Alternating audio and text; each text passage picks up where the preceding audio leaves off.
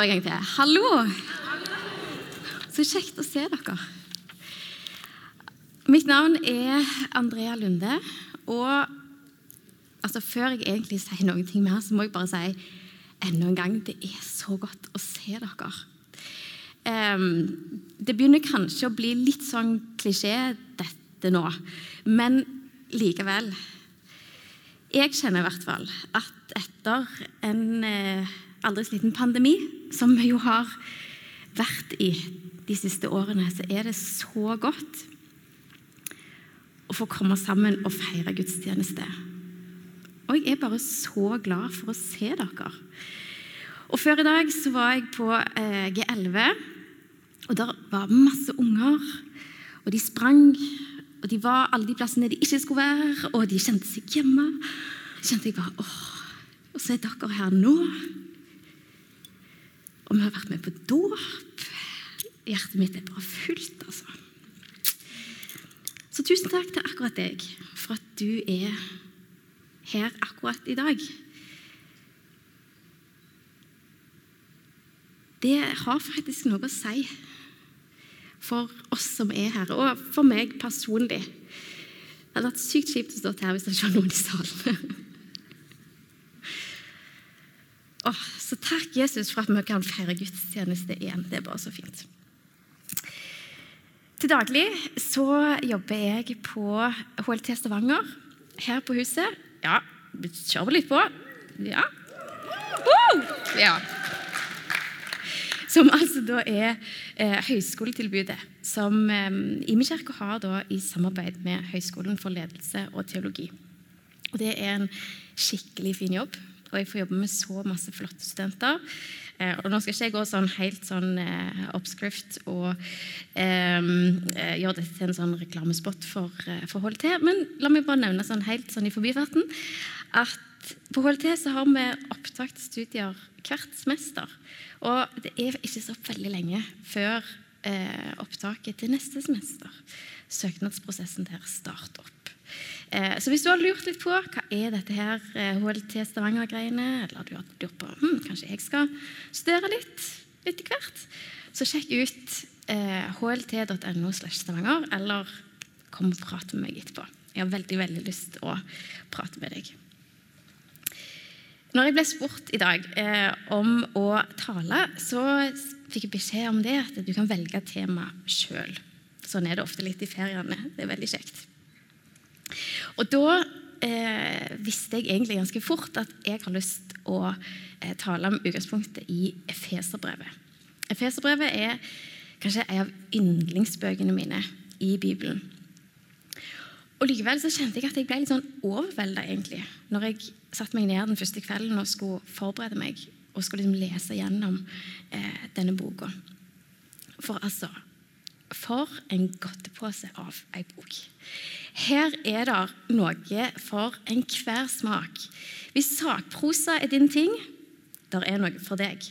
Eh, hvis du bare elsker poesi, da vil du òg finne noe. Eller hvis du vil ha noen helt konkrete livsråd eller store mysterier å grunne på, her er det et eller annet for deg. Og Det bare slo meg igjen hvor lett det er å tenke at jeg liksom kjenner en bibeltekst. Altså når jeg begynner å lese den, så oppdager jeg at det er jo enda mer. Det er alltid mer å oppdage. Så i dag så får jeg da dele noen av de tingene og de tankene som jeg har eh, fra denne boka. Så får jeg jo ikke sagt halvparten engang av det som jeg har tenkt på. Eh, så jeg vil bare komme med en varm anbefaling eh, før jeg går videre, og det er Les Efeserbrevet. Det er så mye flott der. Ja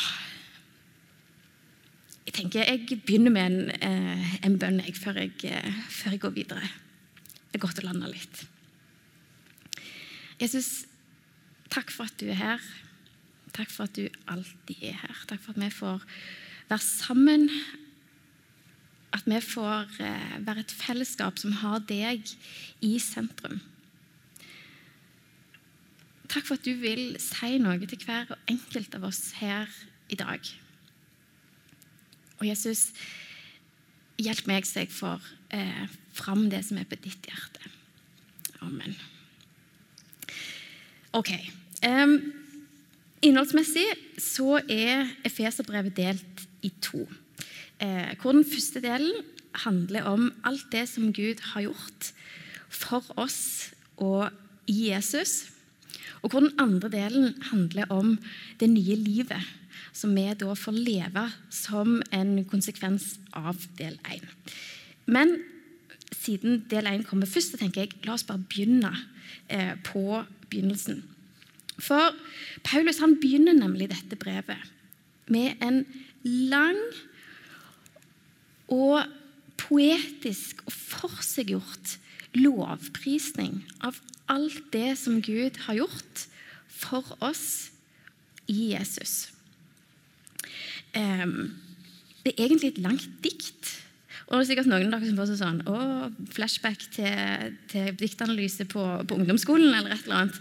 Men bare heng med et lite stykke til. Eh, for dette diktet det, det sammenfatter egentlig altså hele evangeliet. Så jeg tenker La oss bare begynne der, for det legger grunnlaget for, eh, for hele resten av brevet og alt det andre som vi skal snakke om i dag. Så jeg leser fra kapittel 1 og vers 3-14. Velsignet er Gud, vår Herre Jesu Kristi Far. Han som i Kristus har velsignet oss med all åndens velsignelse i himmelen. I Kristus utvalgte han oss før verdens grunnvoll ble lagt, til å stå for hans ansikt, hellige og uten feil. I kjærlighet og etter sin egen gode vilje avgjorde han på forhånd at vi skulle få rett til å være hans barn ved Jesus Kristus. Til lov og pris for hans herlighet og nåde, som han overøste oss med i ham som han elsker så høyt. I ham har vi friheten, kjøpt med hans blod, tilgivelse for syndene. Så rik er Guds nåde, som han har latt strømme over oss med all visdom og forstand, da han kunngjorde for oss sin viljes mysterium, det han gjerne ville gjøre i ham. Han ville fullføre sin frelsesplan i tidens fylde og sammenfatte alt i Kristus. Alt i himmel og på jord i ham. I ham er også vi blitt arvinger. Vi som på forhånd var bestemt til det etter Guds forsett. Han som gjennomfører alt etter sin egen plan og vilje. Slik skulle vi være til lov og pris for Hans herlighet. Vi som alt nå har satt vårt håp til Kristus. I ham kom også dere til tro, da dere hørte sannhetens ord, evangeliet om deres frelse. I ham ble dere merket med seilet, Den hellige ånd som var lovet oss. Han som har pantet på vår arv, inntil Guds eget folk blir satt fri, til lov og pris for Hans herlighet. Ganske heftig. Det er en munnfull. Og her er det jo nok til å grunne over et, et langt liv. Um, så jeg har lyst til å trekke fram en av de tingene som jeg stoppet opp med denne gangen. Og Det er det som står i vers 4, nemlig at Gud utvalgte oss før verdens grunnvoll ble lagt, til å stå framfor Han, hellige og uten feil. Sjøl før skapelsen fant sted, før et eneste menneske var til, så planla han at vi skulle få være i fellesskap med han. Og ikke bare fellesskap, men vi skulle få være familie. Og er det én ting vi har blitt oppmerksom på de siste ja, halvannet året, da, så er det hvor mye fellesskap og relasjoner har å si for hvordan vi opplever oss sjøl, hvordan vi opplever hverdagen vår. Livet generelt, eh, egentlig.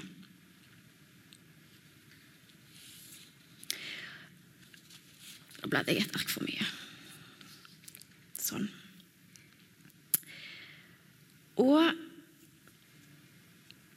Jeg har ikke egentlig et veldig mye mer komplisert poeng enn akkurat dette. At vi er skapt til fellesskap med Gud. Det ligger i, ja, i DNA-et vårt, om du vil. Og Gud ønsker å være sammen med deg. Det er det han skapte deg for. Og du trenger ikke å lure på om det er plass til deg hos Gud. For du har vært en del av planen helt fra begynnelsen av. Det å høre til og det å være en del av en familie, det griper dypt i oss, og ofte kanskje dypere enn vi egentlig forstår. Eh, og Vi snakker mye om dette i denne menigheten, at Gud er vår far. Eh, og viktigheten av at vi får en erfaring av Gud som far, og en erfaring av hans kjærlighet. Og Noen syns kanskje at det blir litt mye sånn pappaprat, men jeg tror faktisk ikke det går an å overvurdere betydningen av et sånt livsforvandlende og dyptgripende møte med denne sannheten. Du er ønska, og du er elska. Punktum. Ingen betingelser, ingen forbehold. Uavhengig av hva du har møtt så langt i livet. Fra biologisk familie eller eh, fellesskap og relasjoner generelt.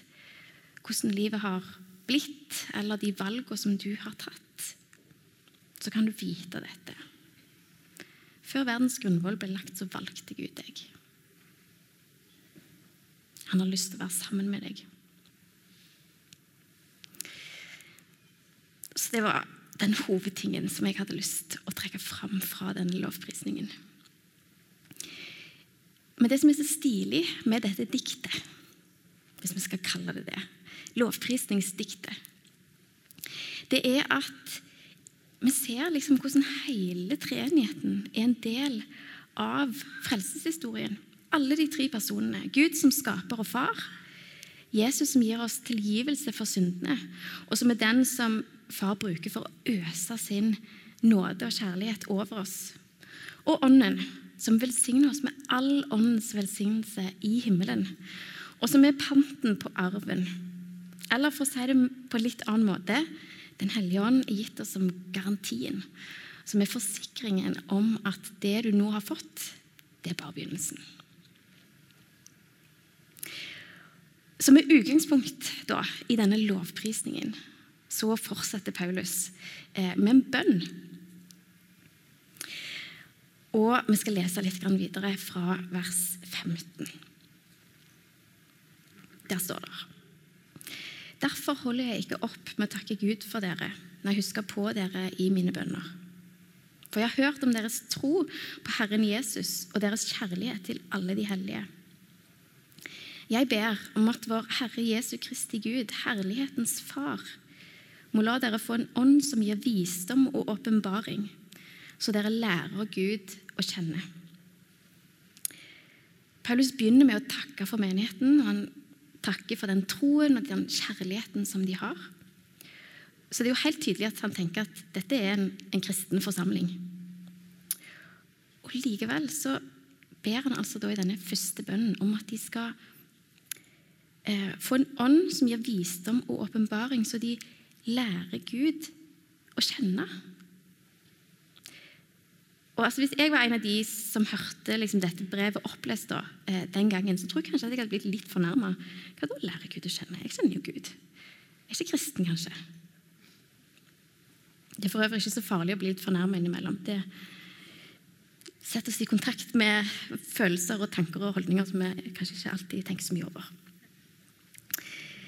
Men denne bønnen, den den minner oss om at det, det er egentlig en motsetning her. Og minner oss om dette at vi, vi kan alltid bli bedre kjent med Gud. Som i alle relasjoner så går det an å bli bedre kjent, selv om en allerede kjenner hverandre. Og Hvis det er sånn da, i mellommenneskelige relasjoner at en kan være venner i årevis og fremdeles lære nye ting om hverandre altså Hvor mye mer må ikke det da være tilfellet med Gud, som på så mange måter sprenger våre rammer og ja, forestillingsevne? Og Dette er ikke noe som vi kan lære oss, eller som vi kan lese i en bok, eller som vi kan tenke oss til, men vi trenger at Gud ved sin Hellige Ånd åpenbarer det for oss, viser seg sjøl for oss. Når var forrige gang du spurte Den hellige ånd om å vise deg mer av hvem han er, bare for å bli bedre kjent?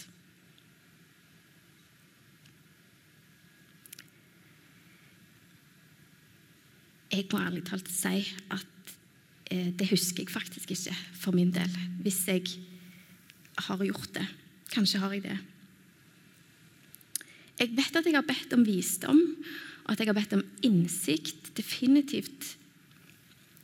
Men veldig veldig ofte så har det vært knytta til enten et behov jeg eller noen andre, rundt, altså andre rundt meg har hatt. En situasjon eller liksom et eller annet som skal løses. Og Gud han kjenner oss, og han vet hvordan vi er skrudd sammen, og han vil oss bare vel. Så han åpenbarer heldigvis seg sjøl for oss på mange måter. Gjennom sitt ord i Bibelen, gjennom det kristne fellesskapet, eh, gjennom kristne sanger, eh, gudstjenester osv. Men jeg opplever at det er en, en invitasjon til oss her i dag til å bli bedre kjent, rett og slett. Og jeg tenker litt sånn Hvorfor gjøre det veldig komplisert når vi kan gjøre det veldig enkelt? Så jeg tenker at vi skal rett og slett bare bruke to minutter på å være stille. Eh, og på å bare be Den hellige ånd komme og vise seg for oss. Og så er det kanskje noen av dere som da vil oppleve at eh, Gud sier noe til dere, at dere blir minnet om noe, at dere får en åpenbaring. Og så er det noen som kanskje ikke vil merke så mye annet enn at det var stille i to minutter, og det var fint. Og det er helt greit. For jeg tenker en stor del av det å bli kjent med noen, det handler jo rett og slett om å være sammen. At en er sammen uten at en egentlig teller opp noe resultat etterpå. Så eh, lukk øynene hvis du syns det er godt, og så ber jeg en bønn. Og så er vi rett og slett bare stille sammen. Hellige Ånd, takk for at du er her. Takk for at du er alltid her. Jeg ber om at du må komme du må vise oss hvem du er. Du må vise oss mer av deg.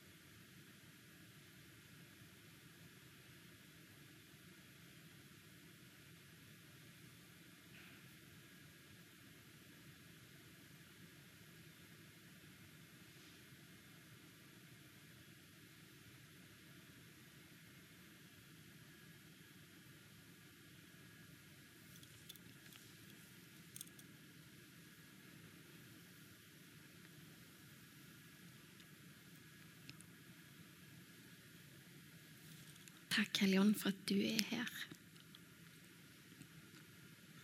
Takk for at vi får komme til deg, og at vi får søke deg. At du ønsker å vise hvem du er for oss. Amen.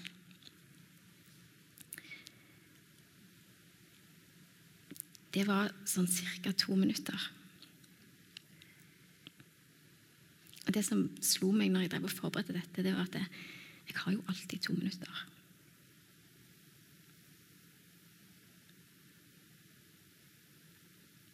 Det er så enkelt. Ok, vi skal fortsette litt i denne bønnen for efeserne. Går det bra? Vi går litt videre? Ja, så bra. For dette blir bare heftigere og heftigere. Han fortsetter liksom i det samme sporet som han er inne på. Jeg føler det er litt sånn Han gjør det i dette brevet. Det liksom går høyt ut, så bare fortsetter han høyere og høyere hele veien. Eh, og Vi skal lese da fra vers 18. Må Han gi dere lys til hjertets øyne, så dere får innsikt i det håp Han har kalt dere til, hvor rik og herlig Hans arv er for de hellige, og hvor overveldende Hans kraft er hos oss som tror. Med denne veldige makt og styrke reiste han Kristus opp fra de døde og satte ham ved sin høyre hånd i himmelen.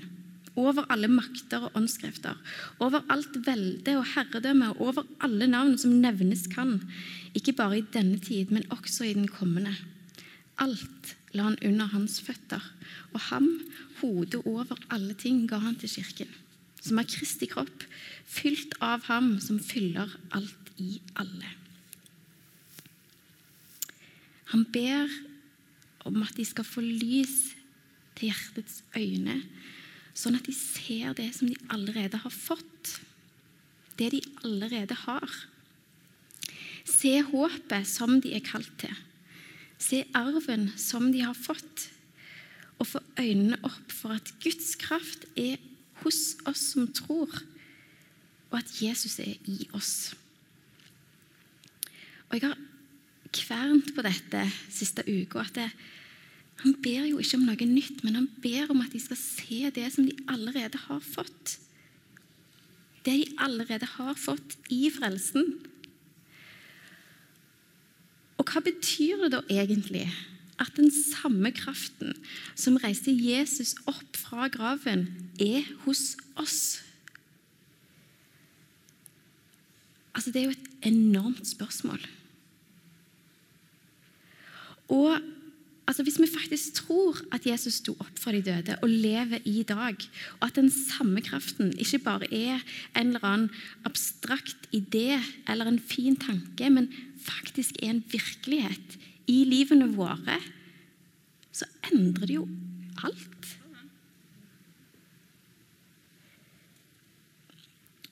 Og jeg forstår ikke dette med hodet, kjenner jeg. Um, men jeg kjenner et eller annet sted inni her La oss kalle det en magefølelse. At her ligger det jo en invitasjon til meg og til dere, til oss, um, om å erfare Guds kraft i livene våre. Og En av måtene som Paulus da beskriver dette i Efeserbrevet, det er at før vi kom til tro, så var vi døde i våre gjerninger. Men nå er vi oppreist fra døden til et nytt liv sammen med Jesus. Og Han beskriver denne, altså dette nye livet og denne nye virkeligheten som et nytt menneske, skapt av Gud. Så når vi kommer da til kapittel fire i Efeserbrevet, så går Paulus i gang med å da beskrive hvordan denne nye virkeligheten, disse sannhetene som han har brukt tre kapitler da på å beskrive, er meint å få konsekvenser for hvordan vi lever livene våre. Den hellige ånd er meint til å være virksom i livene våre med, sånn, med sin kraft, sånn at vi ligner mer og mer på Jesus. Det er meninga at det skal synes hvem vi er i familie med. Og Jeg nevnte jo innledningsvis at Feserbrevet er delt liksom, i to hoveddeler. Og Så langt har vi jo holdt oss mest liksom, i hoveddel én. Eh, men jeg tenker det er så viktig at når vi leser sånne tekster, at vi, at vi får med oss på en måte helheten. At vi får med oss òg den andre hoveddelen av dette brevet. Fordi det er akkurat som vi trenger begge beina å stå på for at vi skal stå støtt. Hvis du bare har den første delen, så mangler du noe. Og hvis du bare har den andre delen, så mangler du noe. Vi trenger både det beinet å stå på som handler om Guds kjærlighet, Guds kraft, Jesu eh, Altså den identiteten vi får ha i Jesus. Og vi trenger den foten å stå på, som handler om at vi òg blir utfordra til å leve et nytt liv i kraft av disse sannhetene. Og Det er ikke alltid at jeg forstår alt Paulus skriver. Um, men en av de tingene som jeg liker med han, det er at han legger ikke noe imellom. Han går rett på sak. Og andre halvdel av Efeserbrevet er egentlig en eneste lang formaning, hvor han da formaner efeserne til å leve et liv som er verdig det kallet de har fått. Står det i kapittel 4, vers 1. Leve et liv som er verdig det kallet de har fått. Hva betyr egentlig det? Jeg syns det òg høres litt sånn svevende ut, egentlig. Eh, og Derfor så liker jeg godt at Paulus går ganske sånn praktisk til verks videre her. Og Vi er sikkert litt forskjellige når det gjelder dette, men jeg liker denne blandingen da, av litt sånn høytsvevende poetisk teologi, eh, dyptgripende personlige sannheter og jordnære praksiser for hverdagen. Eh, og Vi skal lese fra kapittel 4 og vers 22-24. Lev da ikke som før men legg av det gamle mennesket som blir ødelagt av de forførende lystne. Bli ny i sjel og sinn. Kle dere i det nye mennesket, som er skapt i Guds bilde, til et liv i sann rettferd og hellighet. Legger dere merke til det? At han, han formaner dem til å ta av seg, kle av seg det gamle, og til å kle på seg det nye mennesket det er en aktiv handling. Det er et aktivt valg om å ta av det gamle og ta på det nye. Og Det er jo Gud som har skapt dette nye, som han formaner dem om å kle på seg. Men han formaner dem likevel om å gjøre nettopp det. Ta det på deg. Så Med det som utgangspunkt så kommer det altså da en hel rekke med formaninger som er av den veldig praktiske sorten, en del av de. Um, og som sier noe sånn konkret om dette er det livet som er verdig det kallet som du har fått. Og Jeg får ikke gjengitt alt. Da måtte jeg ha lest, eh, og det hadde tatt altfor lang tid. Det hadde ikke vært så interessant eller spennende i en sånn tale, men jeg skal gjengi noe av det. For eksempel Snakk sant og slutt å lyge. Ganske basic. Ikke stjel lenger, men finn deg en jobb, sånn at du kan gi til noen andre som trenger det. Eller kapittel 4, vers 29. La ikke et eneste råttent ord komme over leppene. Si bare det som er godt, og bygge opp der det trengs, så det kan bli til velsignelse for de som hører på. Tenk om det hadde vært policyen i norske aviser sine kommentarfelt like aktuelt i 2021 som, som noen gang. Og Så skriver han videre om at eh, hor, grådighet, grovt snakk, det sømmer seg ikke. Går rett på sak. Og Litt lenger uti her så kommer han òg med en, en, en veiledning da, til relasjonen mellom ektefeller, mellom barn og foreldre og mellom eh, slaver og mestere. Hvor han Eh, hjelper de til å se at måten vi er ment å forholde oss til hverandre på, skal reflektere hvordan Gud ser på den andre. Vi er ment å ha Jesus som forbilde i måten vi lever ut relasjonene våre i hverdagslivet. Kort oppsummert Guds kraft hos oss er ment å få konkrete konsekvenser i livene våre. Og Den gjør oss òg i stand til å ta valg om å leve på måter som vi ikke vil kunne gjøre på egen hånd. Og Det handler ikke om å følge regler eller om å prestere, men det handler om å leve ut det nye livet som vi har fått. Og I kapittel 5, vers 10, så står det Prøv hva som er til glede for Herren. Vi kan faktisk ta valg som er til glede for Gud. Og Motsatt så står det òg i kapittel 4, vers 30.: Gjør ikke Guds hellige ånd sorg. Det har en innvirkning på Gud, de valgene vi tar. Han bryr seg. Eh, og det er en naturlig konsekvens av hans kjærlighet til oss.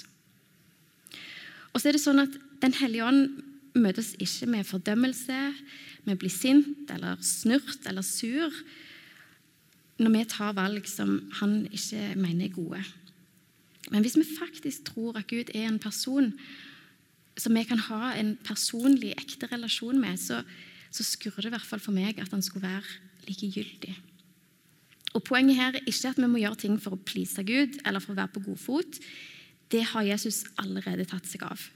Um, og I kapittel 3, vers 12, uh, så står det at vi vi forstår framfor Gud hellige og feilfrie og med frimodighet og tillit pga. det som Jesus har gjort.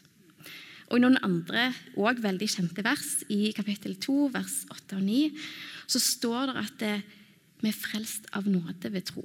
Det hviler ikke på gjerninger, for at det ikke er noen som skal kunne skryte av noen ting som helst. Det er en gave. Men er det ikke naturlig, en, liksom en naturlig del i en god og sunn relasjon mellom noen som er glad i hverandre, at en velger å gjøre det som bringer den andre glede? Jeg tenker Det koker ned til relasjon. Jo bedre jeg kjenner noen, jo mer glad blir jeg i dem.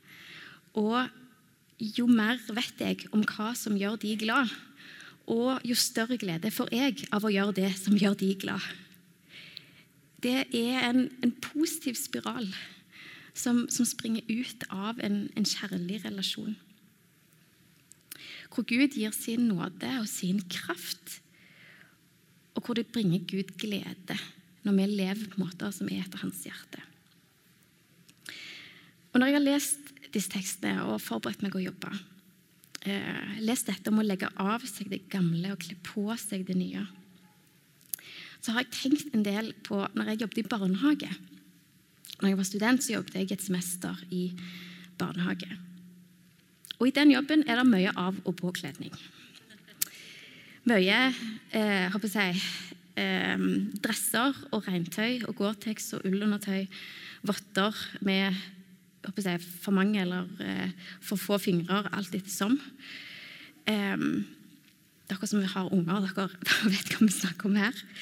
Um, og det var liksom i noen av disse her garderobesituasjonene Noen av disse ungene det var liksom, det er akkurat som de bare liksom ble til sånn kokt spagetti. Når jeg skulle liksom hjelpe dem med å få enten av eller på klær. Antar den latteren er sånn Å ja, det skjønte jeg igjen. Um, og jeg har tenkt på hva forskjell det faktisk gjør når begge partene samarbeider, selv om det strengt tatt er den ene som gjør hele jobben. Og alle sånne illustrasjoner og bilder de på en måte, du kan bare strekke dem så langt. Men det har fått meg til å tenke da, og reflektere litt for min egen del. Jeg tror kanskje jeg er litt sånn spagettiunge innimellom i møte med Gud. Hvor han inviterer meg til å ta av det gamle og til å kle på meg noe nytt. Noe som er bare så mye bedre, og som han har gjort klart. Og hvor han har alt det som trengs for at det faktisk skal bli en virkelighet. For jeg får det ikke til. Og så blir jeg litt sånn spagetti. Og så tar jeg liksom ikke det der aktive valget om å la meg bli påvirka av han. Og det er et paradoks i dette, at på den ene sida så er Guds kraft i oss, og på den andre sida så må vi aktivt velge å slippe den kraften til. Og så lar Gud oss ta det valget. Ikke som en test, men det er sånn han har valgt å gjøre, det. han gir oss frihet til å velge. Og så inviterer han oss da til å samarbeide med han. Og jeg tenker Det er den andre invitasjonen som jeg har lyst til å løfte fram for oss i dag. Gud har en ny dress til deg. Han har det som skal til, men du må ta valget om å slippe han til. Og så kan du kanskje si sånn, ja, men hva mener du, hvordan ser dette ut i livet mitt? Og jeg tenker, jeg kunne sikkert kommet med masse eksempler og forslag, og alt mulig sånne ting, men jeg tenker egentlig at det tror jeg at du og Gud finner veldig godt ut av. Um, uten hjelp, egentlig. Men det spørsmålet som jeg har stilt meg, det er ok, hva er det området hvor det hadde endra alt hvis jeg faktisk hadde opplevd at her får jeg gå i Guds kraft. Her får Guds kraft være en realitet i livet mitt.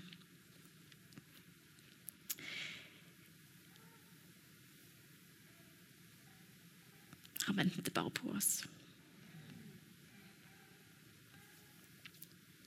La oss be sammen. Gud, takk for din uendelige nåde og kjærlighet. Og takk for at vi får være trygge, at vi får komme fram for deg i tillit og frimodighet pga. det som Jesus har gjort. Og takk for den kraften som du har valgt å være til stede med i livene våre.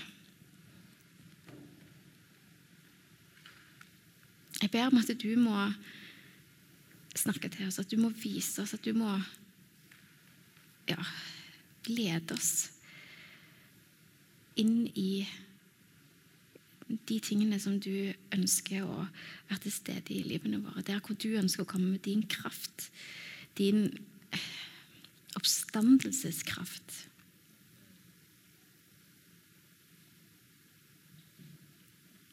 Og jeg ber deg om at du må, du må gjøre det. Takk for at du alltid gjør det. Amen.